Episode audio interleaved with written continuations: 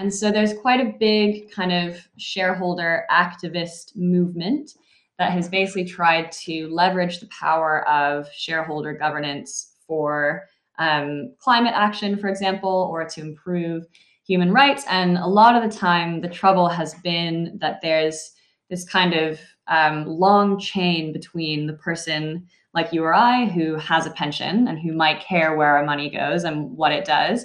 And then, you know, the pension trustee and then an asset manager, and it's in another fund and that specific fund manager. And there's this very long chain between us and what actually happens with our money. Um, so it, it's kind of undermining the conditions where shareholders are sort of able to um, enact like significant change at a company.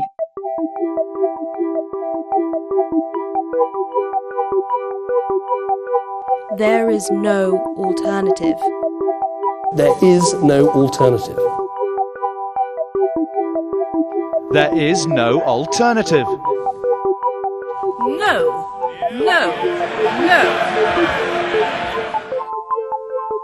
Velkommen til en ny episode av Alternativ økonomi. Jeg heter Kjerstin Gjengedal og lager denne podkasten sammen med Reidun Gjengedal. Vi har ikke snakket noe særlig om finansøkonomi før i denne podkasten, og det er til dels fordi at det er kompliserte saker som det er vanskelig nok å forstå og langt mindre forklare.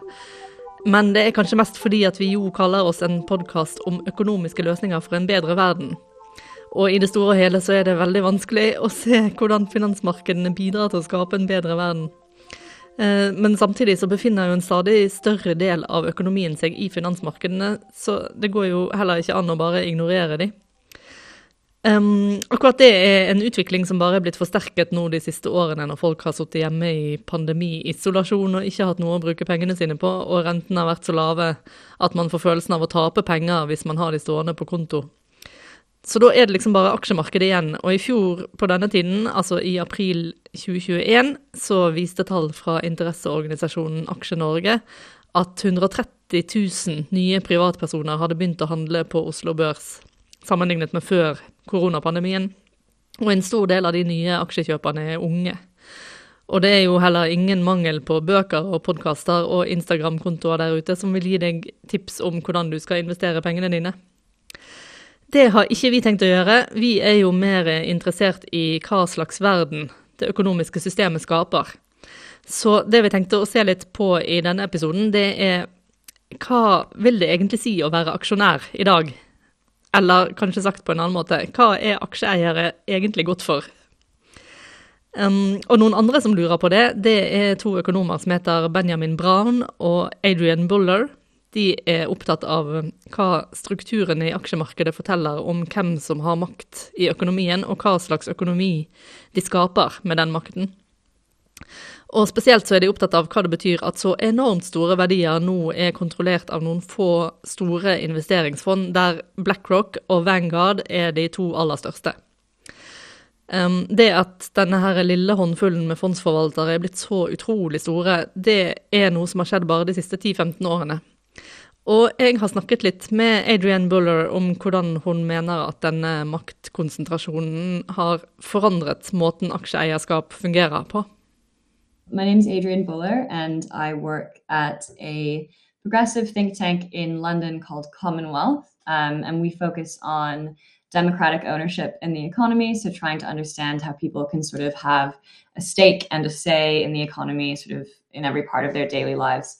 Um, and so a big part of that for us is finance and the asset management sector um, in particular. Um, what is the asset management sector?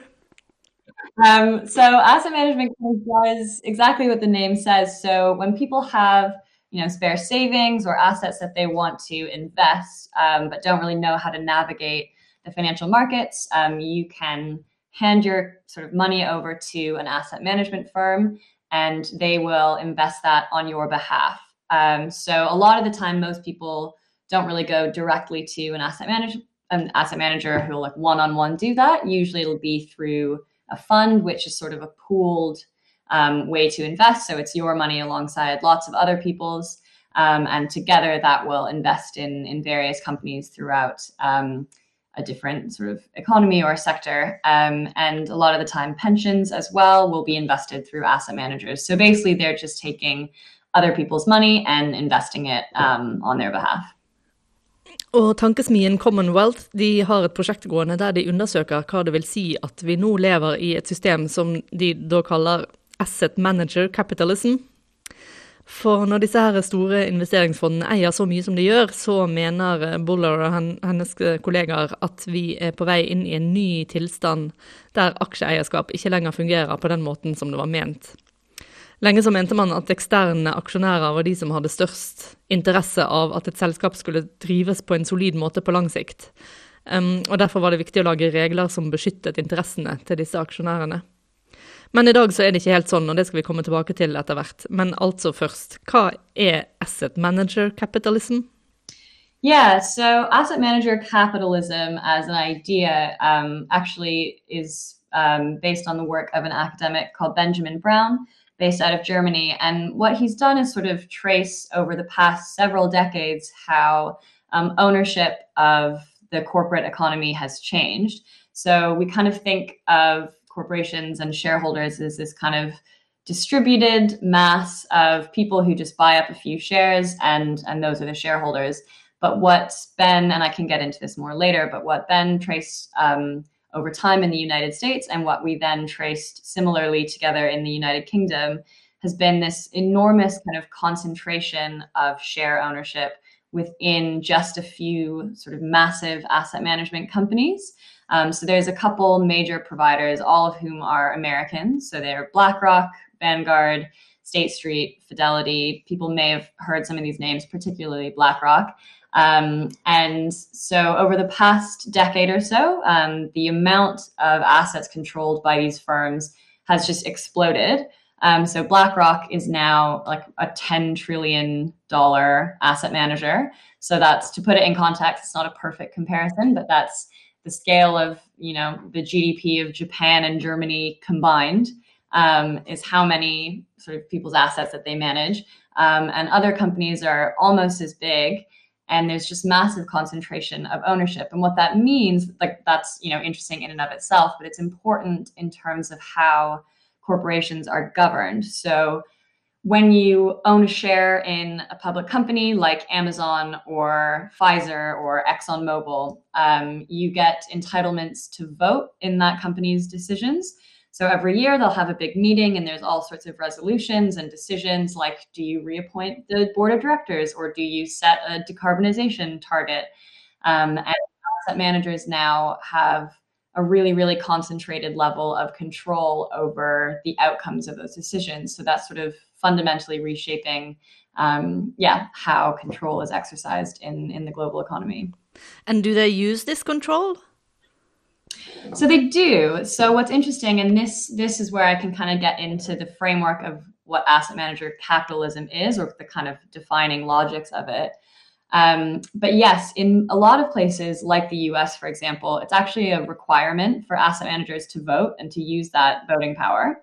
So a lot of the time, overwhelmingly, they'll just kind of vote in line with the company's management. So on all these um, decisions, the company's management will typically you know in advance of the meeting post what their position is on everything. And so if you want to basically abstain or not really express yourself you'll just vote the same way that management does. And so overwhelmingly um, these big asset management firms are voting in line with corporate management. So basically means they're not expressing dissent. So whether that's on you know should we root out deforestation in our supply chain management will probably say no. Blackrock will also vote no um, but the interesting thing about this is that because what, and this is the framework that sort of Benjamin Braun has come up with, is that asset manager capitalism per se is defined by a few very unique factors that have kind of changed how shareholding works. So we think of like shareholder voting as you know if anyone's watched succession as this kind of like very active and involved process where people are really involved in the sort of dynamics of the company. They're really aware of everything that's happening and really invested in the outcome of this one company that they're invested in. And if, if you and I were to invest our assets, probably at best we could maybe get shares in one or two companies. And so we'd care a lot about what those companies specifically did. But what's unique about the current sort of distribution of ownership is that not only is it really concentrated and these are really big firms, but they're also universal, what's called a universal owner, which means that they're basically distributed across the entire economy. So every industry, every region, and they'll have similarly significant stakes across all of those. And that sets up a kind of interesting set of dynamics where they don't really care about the individual performance of a given company. What matters to them is sort of the aggregate growth of their assets under management. And so they just want a bigger pool of assets because that's what their fees are based on is, you know, how many assets are they managing. So it's a very, very Can you just yeah, uh, go ahead? Yeah, uh, no, sorry, I shouldn't have interrupted you, but uh, yeah, I was curious about how these firms make their money. So it's not from the from the shares themselves. No, right. So because it's an interesting thing where because they're managing someone else's money, you know, this these aren't their assets. They're just doing it on someone's behalf. Anything like dividends or when sort of there are other payouts from the company, um, that money still belongs to the person whose assets are invested. So, an ordinary saver or someone who's got pension assets. The asset managers don't retain that money. All of their earnings are based on charging like a fraction of a percent or, you know, 1% on the total pool of assets that they manage for you. Um, and that is basically, yeah, the entirety of their business model. So, what matters to them is not is this company paying dividends? Is their share price going up or down? They just care about having a bigger pool of assets, which means that they're not really paying very close attention to what any given company in their portfolio is doing. Så BlackRock og Vanguard osv. de driver altså ikke med aktivt eierskap, som ofte blir eh, holdt fram som en løsning når selskaper gjør ting som åpenbart ikke er bra. Um, særlig nå som såkalte ESG-investeringer bare blir mer og mer populært. ESG står for Environmental, Social and Corporate Governance, eller miljømessige, sosiale og forretningsetiske forhold. Uh, ideen der er at finansøkonomien kan bidra til å gjøre økonomien grønnere og mer bærekraftig og mer sosialt ansvarlig, og at man som aksjeeier kan bruke makten man har til å forbedre ESG-scoren til selskapet man eier aksjer i. En tanke som går igjen her, er at de bedriftene som best klarer den grønne omstillingen, de vil ha en konkurransefordel som vil gjøre de mer lønnsomme etter hvert. Uh, og dette med aktivt eierskap, det har f.eks. vært en langvarig diskusjon når det gjelder hvordan det norske oljefondet skal investeres. Skal man selge seg ut av selskaper som drives på måter som ikke er i tråd med de etiske retningslinjene til oljefondet, eller skal man bruke eierskapet til å prøve å påvirke selskapene til å forbedre driften? Nikolai Nicolai Tangen, som leder oljefondet, han mener at aktivt eierskap er veien å gå. Og oljefondet er jo òg så stort at de kan ha en reell påvirkningskraft. Rett før denne episoden ble publisert, så la regjeringen fram sin oljefondmelding, der de legger opp til at fondet skal bli utslippsfritt på lengre sikt. And so there's quite a big kind of shareholder activist movement that has basically tried to leverage the power of shareholder governance for um, climate action, for example, or to improve human rights. And a lot of the time, the trouble has been that there's this kind of um, long chain between the person like you or I who has a pension and who might care where our money goes and what it does. And then, you know, the pension trustee and then an asset manager, and it's in another fund and that specific fund manager. And there's this very long chain between us and what actually happens with our money. Um, so it, it's kind of undermining the conditions where shareholders are sort of able to um, enact like significant change at a company. Because a lot of the time, these big asset managers have effective veto power because together, like this is an example in the States where it's most pronounced. Um, Vanguard, BlackRock, and State Street, which are three of the biggest U.S. managers, have an average of 20% in the average S&P 500 companies. So that's all the big corporations like Exxon and Amazon and Pfizer and Apple. Um, and that 20% is basically a veto power because a lot of other people won't be voting um, and like individuals that aren't required to vote, for example. Um, and so they've got like a de facto kind of control over what happens a lot of the time.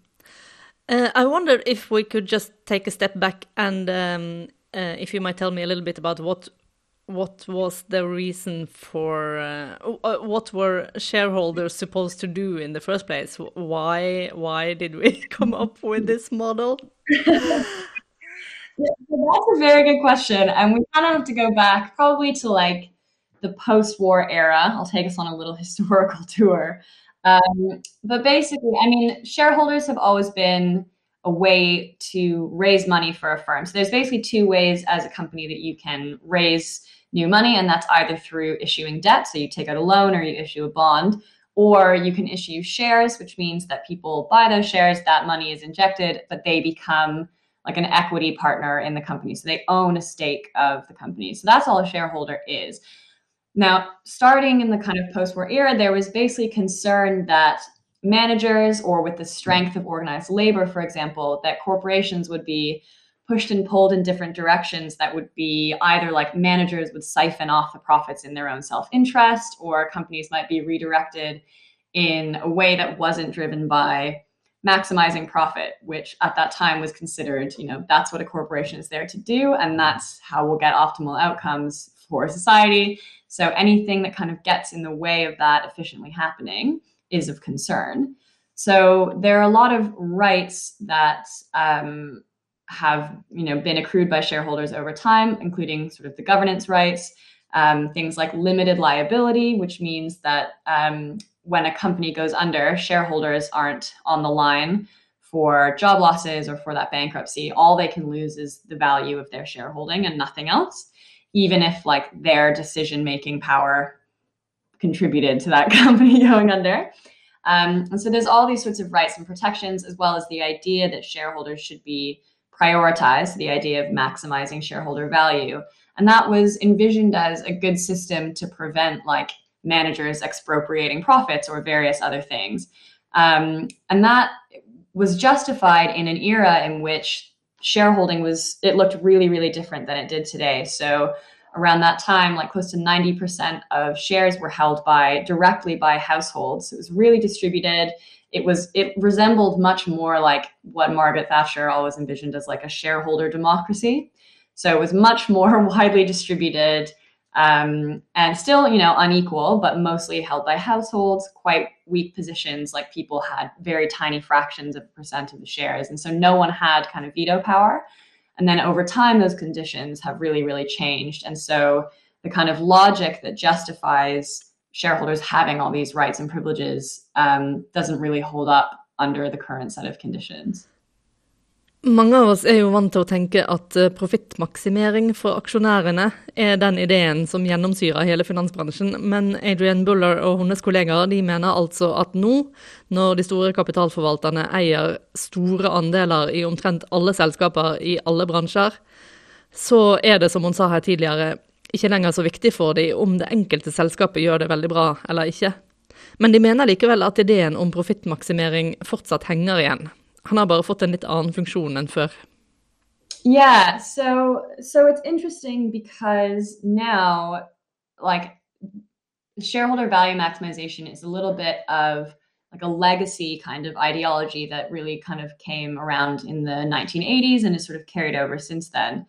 And now it sort of doesn't really hold up in the same way insofar as as we just said, sort of BlackRock or Vanguard don't really care if um, a corporation is maximizing the value for their shareholders insofar as BlackRock doesn't get, you know, a dividend or they don't get the value of share buybacks. But it still matters to them insofar as their overarching goal is to have the biggest pool of assets under management. So if they're able to pressure companies um, to maximize shareholder value in a way that means that more people will allocate their assets to BlackRock than that, you know, cornering market share, that benefits them.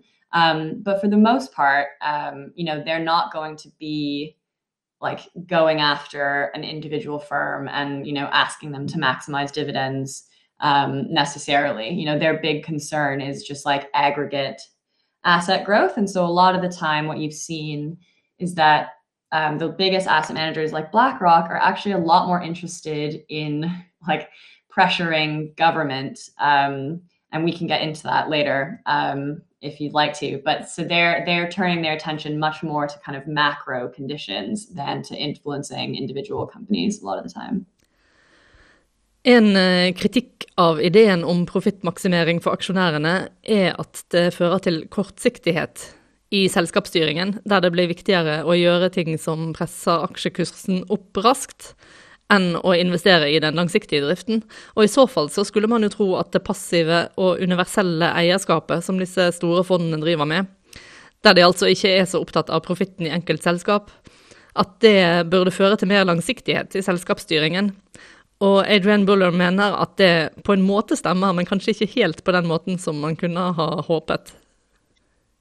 Yeah, so this is a there are two parts of asset manager capitalism that yeah have kind of like undermined what have traditionally been sort of progressive critiques and that's one of them right is like we have this idea of the investment system as like Wolf of Wall Street where you've just got a bunch of guys in a room trying to beat the market and the conditions of asset manager capitalism have really really changed that um, and in a lot of ways, that comes down to um, the invention of the index tracking or like passive fund, um, which has really driven the growth of groups like BlackRock. So, a passive fund, unlike the kind of Wolf of Wall Street image, um, basically just picks its holdings, so what it invests in, based on a predetermined index. So that might be the S&P 500, for example. You just try and replicate the returns of the market as a whole as opposed to trying to like pick winners to beat the market. And that again means that in theory you should be an inherently long-term investor. Like your interest is just over time in long-term steady aggregate growth um, of your assets and of those returns.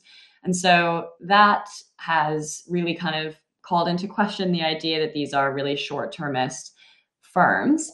And so people have started to ask whether that could sort of be harnessed to make um, asset managers have um, you know act better in res- in regards to the climate crisis, for example, because they should be concerned about the threat posed to their assets um, by those long-term and systemic threats. Um, particularly because they are, um, as I mentioned before, sort of universal owners. So they can't really just like divest from a given area um, of the economy because by definition um, they're they're just exposed to everything. So that also means that they should again care about the climate crisis because anything that risks their asset values, um, you know, they can't really escape from. So what that's done is that it's made groups like BlackRock really, really active, actually, um, in the climate space um, particularly in the US and the Biden administration, but it's in kind of different ways than people might want.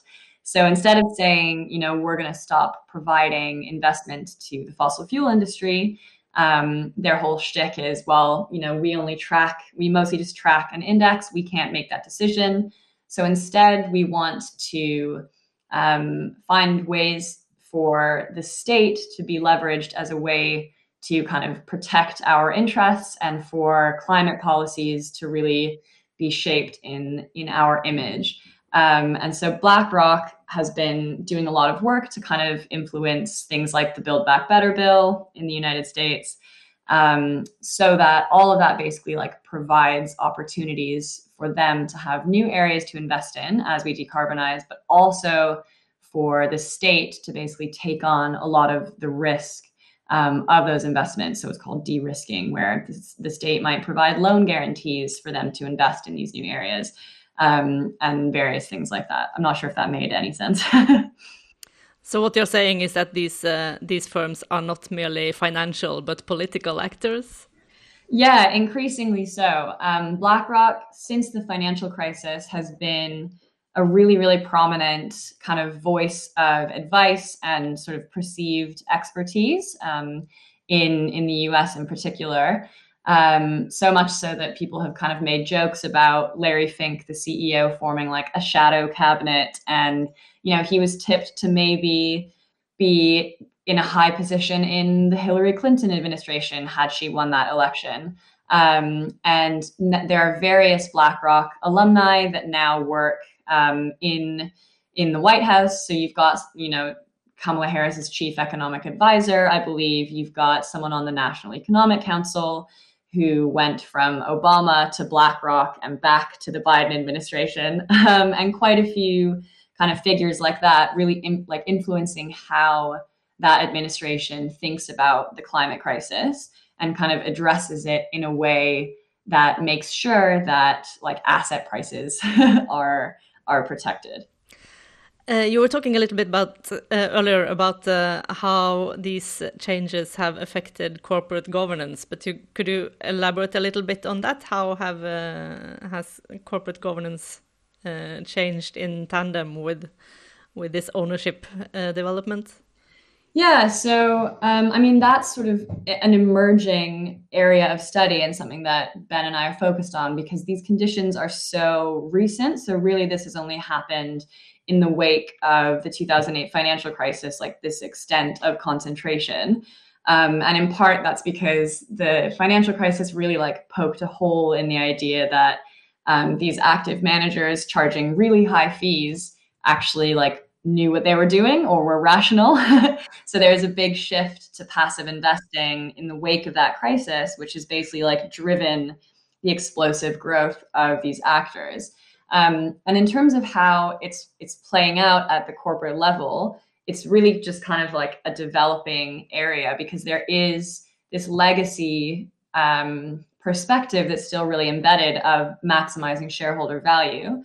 And so when we've looked at you know trends over the past 10 years in corporations, you're still really seeing that play out. So dividends in the UK, for example, continue to rise and capital expenditures are falling and all sorts of sort of classic trends like that. So we haven't seen the governance change necessarily yet to reflect these new conditions, although we're definitely seeing the veto power basically of a BlackRock and Vanguard combined um, making a difference to whether shareholder resolutions pass or fail.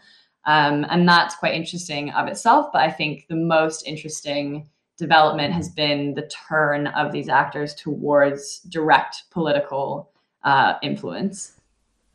Hvis du har noe som helst interesse for privatøkonomi, så har du antagelig ikke unngått å få med deg at alle nå er enige om at å investere i indeksfond er det aller lureste som du kan gjøre med pengene dine. Um, indeksfond er aksjefond som investerer i aksjene til selskaper som er inkludert i en indeks, og en indeks er en liste over aksjer som til sammen skal måle utviklingen i et visst marked. Um, de blir òg ofte kalt passive fond fordi de bare følger den indeksen, uten at det sitter en forvalter der og prøver å gjette hva aksjer som kommer til å gi mest avkastning framover, sånn som man gjør i aktive fond. Eh, så Derfor blir indeksfondene mye billigere å investere i, fordi du ikke trenger å betale høye honorar til en forvalter. Og man får stort sett bedre avkastning i det lange løp, samtidig som risikoen er mye lavere enn hvis du prøver å plukke vinneraksjer. Eh, og indeksfondene har altså vokst eh, parallelt med disse store investeringsfondene, for både BlackRock og Vanguard de tilbyr for det meste passive fond. Men akkurat hva den veksten betyr, det er litt vanskelig å si foreløpig. Eh, finansjournalisten Robin Wigglesworth, som har skrevet bok om oppfinnelsen av indeksfondet, han argumenterer f.eks. For, for at indeksfond betyr at enorme pengesummer, som da før ville ha gått i lommen på aksjemeglere, at de nå isteden går til småsparere som har investert i indeksfondene. Og det må man jo si er en god ting. Men hva betyr det for økonomien som helhet, og for hvordan selskapene blir styrt? For det som kjennetegner et indeksfond, er jo nettopp at de inkluderer alle selskapene i indeksen. Så det å selge seg ut av enkeltselskaper som man er misfornøyd med, det er ikke noe alternativ. Når eh, Larry Fink, som er sjefen for BlackRock, i 2021 sendte ut sitt årlige brev til lederne i selskapene som BlackRock investerer i, så lovet han at BlackRock sine investeringer skulle være karbonnøytrale innen 2050. Eh, BlackRock har f.eks. retningslinjer som sier at de ikke skal investere i selskaper som har mer enn 25% av inntektene sine fra kullproduksjon. Men den franske tankesmien Reclaim Finance de har påpekt at de retningslinjene bare gjelder for BlackRock sine aktive investeringer. Så indeksfondene deres de kan investere i kull så mye som de vil.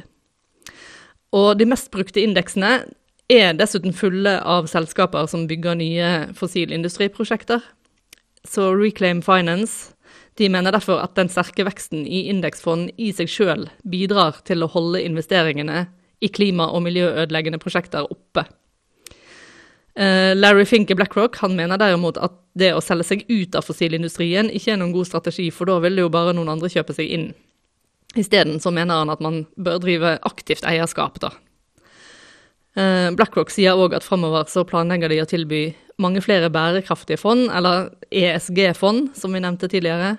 Men både Reclaim Finance og mange andre har påpekt at det er ingen som er enige om hva som egentlig er en bærekraftig investering. Og det er jo heller ingenting så langt som tyder på at ESG-investeringer har gjort økonomien mer bærekraftig.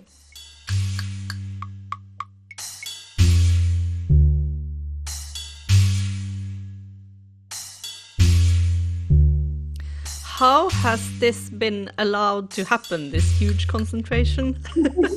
That's a very good question.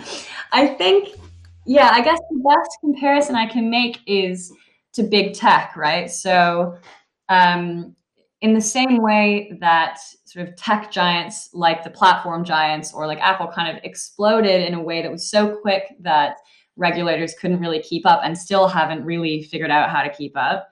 Um, the this turn in asset management happened so quickly, um, particularly with the sort of explosive interest in passive funds um, that it's really only been over the past decade that this has happened. Um, in the wake of the financial crisis, BlackRock was big, but they, you know, they weren't this kind of like dominant titan of Wall Street. Um, and since then, in just like a few years, um, the landscape has completely changed. So people really are starting to pay attention now. But you know, the big point of interest is that BlackRock is now such um, a sort of powerful and credible player in Washington and in the UK as well that they don't really have that much kind of political resistance yet. I mean, a really good example of the extent to which, unlike big tech, where these firms have been kind of seen as sinister, BlackRock is seen as this like politically good and sort of expert actor and seen in quite a positive light by a lot of um, politicians. And so, in the pandemic, when the Federal Reserve in the US started doing a big asset purchase program to stabilize financial markets, like the ECB and the Bank of England also did. Um, they actually handed off a contract to BlackRock to actually do that work. So BlackRock was given a contract to make all the purchases. Um, and in the process, they actually ended up buying up a bunch of their own funds. um, but it just kind of shows the extent to which they're kind of I think Bloomberg in one article called them like a fourth branch of government. so they've basically found a really clever way to kind of insert themselves as this like voice of reason and expertise as opposed to kind of a threatening force. Men når en så stor del av økonomien er eid av et par store investeringsfond, hva rolle spiller da vi små investorer oppi alt dette? For ideen om et shareholder democracy, som Margaret Thatcher var så glad i, den er jo fortsatt populær. Eh, DNB har f.eks. en kampanje som de kaller Hun investerer, der de oppfordrer kvinner til å investere i aksjer som et likestillingstiltak, fordi de fleste aksjeeiere eh, tradisjonelt har vært menn. Og DNB mener det er viktig at kvinner får nyte godt av kapitalinntekter i like stor grad som menn. Eh, og selvfølgelig må vi anta fordi at kvinner er et stort uttappet marked for aktører som DNB som har lyst til å selge aksjefond. Eh, og noen husker kanskje et intervju Erna Solberg gjorde med Dagbladet for et par år siden, men som fortsatt var statsminister, der hun sa at løsningen på den økende økonomiske ulikheten i Norge er at flere må eie aksjer. Um, so, for most people, the way that you interact with financial markets, if at all, will be through your pension. So, anyone who has a pension, um, Sometimes uh, those pensions are managed by the pension fund trustee themselves, but a lot of the time today they're kind of handed off and contracted out to asset managers. Um, and so our pension assets are by far the most kind of common way to interact with financial markets um, because for most people, direct shareholding actually remains like quite out of reach. Um, and so it's it's difficult to kind of exercise your role in the shareholder democracy because there's this sort of chain of intermediaries between your asset um, and and how it's actually being used um, in the governance structure of a corporation. Um, the idea of shareholder democracy was kind of doomed from the start insofar as um, there have always been inequalities in sort of access to financial assets and to financial markets. And those are really, really extreme and pronounced today. Um, and I can pull up, if you give me a second, then we can maybe edit this bit out. I can pull up my sheet where I have those exact numbers, but I don't want to rattle off numbers that are incorrect. So I can just pull that up. Mm-mm-mm. Okay, great. So, um, so in the UK, um, the top 1% of earners have um, basically half of all direct shareholding, so 50% of it, um, according to the Office for National Statistics. So that's you know 1% of people having half of all direct sort of equity shares. Um, and pension wealth similarly is is quite unequal. It's it's not quite as extreme, um, but you've still got um, half of all pension assets um, held by the top uh, 20% um, by by income. So it's still quite unevenly um, distributed, and so it's hard to sort of justify the idea of a shareholder democracy when all it would kind of really represent is at best kind of like a shareholder oligarchy, sort of. all right. Okay, so we as individuals don't have much power, but I guess we are uh, impacted by this development. Could you say a little bit more about that? Yeah, definitely. Um, so I think for me, the most interesting point of impact will be the kind of nature of um, climate policy that gets pursued. Um, and you can already see this kind of taking shape. Um, I mentioned before BlackRock's role in the Build Back Better bill, for example, in the States. So there's all sorts of basically like gifts to Wall Street in that, where instead of the public sort of directly investing in green infrastructure and using their sort of investment and coordinating capacity to do that, what you see is a lot of policies where it's sort of methods for crowding in the private investment industry to do that instead but using the state um, to de-risk those investments. So basically, getting the state to to provide guarantees for any credit that financial firms extend, so that if there are losses, the state will take those losses. But if there are profits, then the private firms are entitled to those profits. Um, and there's all sorts of kind of clever mechanisms in there for like public private partnerships is a favorite kind of term of Larry Fink, but really that's just again, using the state to kind of socialize risk while privatizing the profits. Um, and it's not just in the States that we're seeing that. Um, it's a sort of flagship aspect of the European Green Deal, um, which again is really, really emphasizing the idea of using the state to crowd in um, private investors and again, kind of shouldering the burden of risk um, while allowing those firms to kind of be entitled to, to profits. And that's kind of like a hallmark um, of the asset management industry's kind of influence and the idea that we now have an economy that's that's really oriented around um, asset ownership as opposed to like like labor income basically. Your your life chances are much more determined by whether or not you own financial and real estate assets than they are by your like salary and income Som sagt så tenker mange på aksjemarkedet som en måte å skaffe bedrifter kapital på, sånn at de kan gjøre nyttige ting. Men aksjer bidrar bare til å skaffe kapital når de blir utstedt og solgt for første gang. Så når de blir solgt videre etterpå, så ser ikke selskapene noe til den summen. Og det er jo den typen omsetning som dominerer på aksjemarkedet. Så hvis dagens aksjemarkedsstruktur ikke er spesielt viktig for å skaffe produktiv kapital til bedrifter, og i tillegg gjør at det er vanskelig for aksjonærer å påvirke selskapene i viktige saker, hva er da vitsen? Og fins det kanskje andre og bedre måter som vi kan demokratisere finansøkonomien på? Uh, so uh, our podcast is uh, a bit about how um, we as people yeah. can work to change the economy for the better. But I have to say, I'm feeling quite powerless now. Well, so mean, one of the biggest things that is you know in the immediate term can be done and there are people trying to facilitate this a little bit is um, to find a way to like make the pension system more democratic.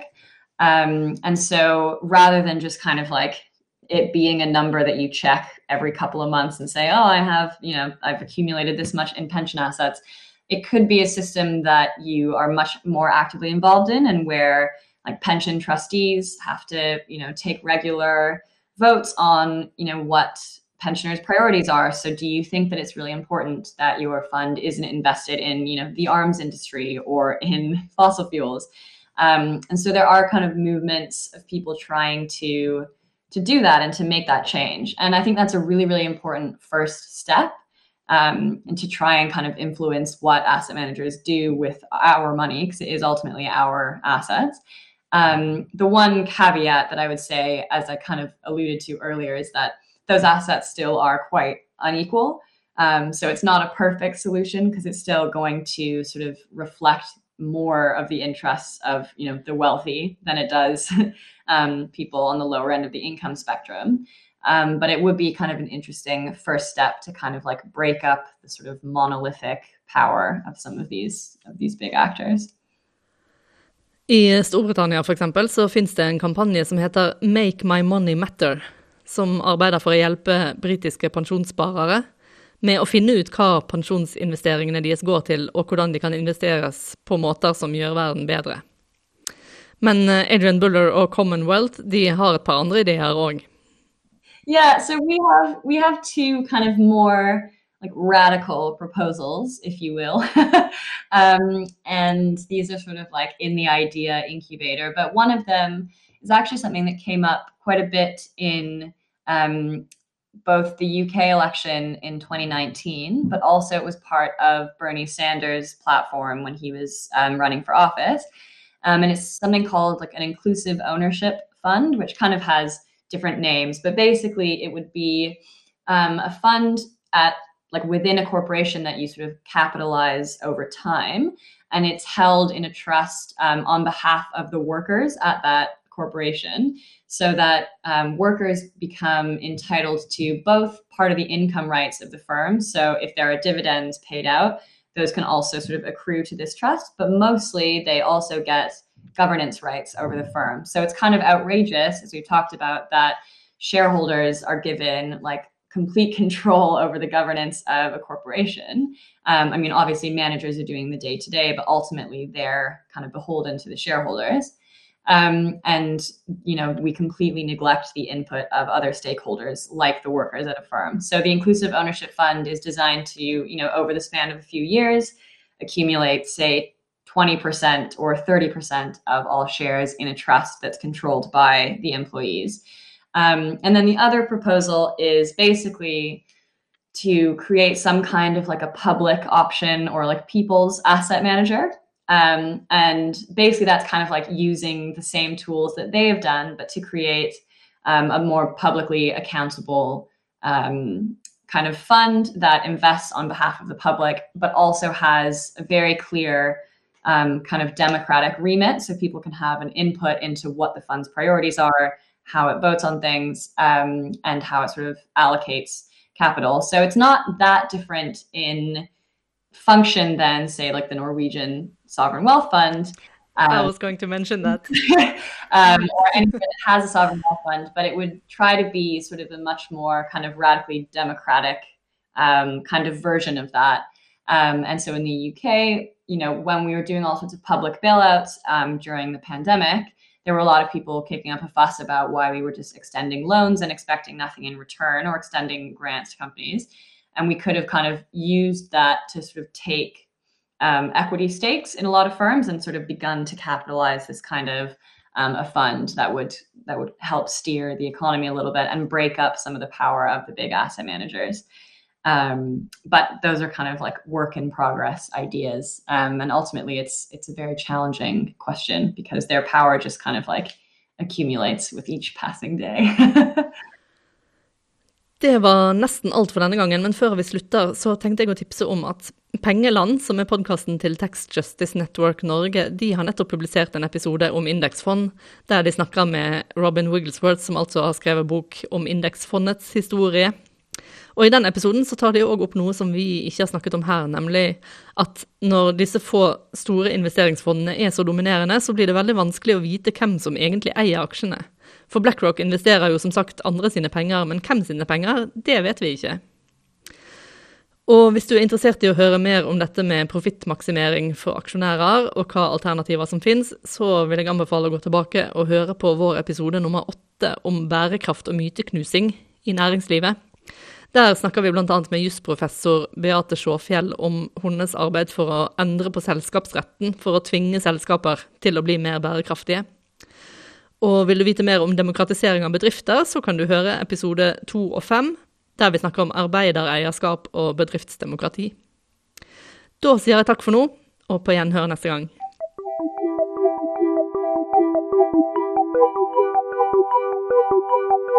There is no alternative. There is no alternative. There is no alternative. No, no, no. I podkastserien Alternativ økonomi leter vi etter økonomiske løsninger som kan være med på å skape en bedre verden. Nye episoder publiseres én gang i måneden. Du finner mer informasjon på nettsiden vår alternativøkonomi.no.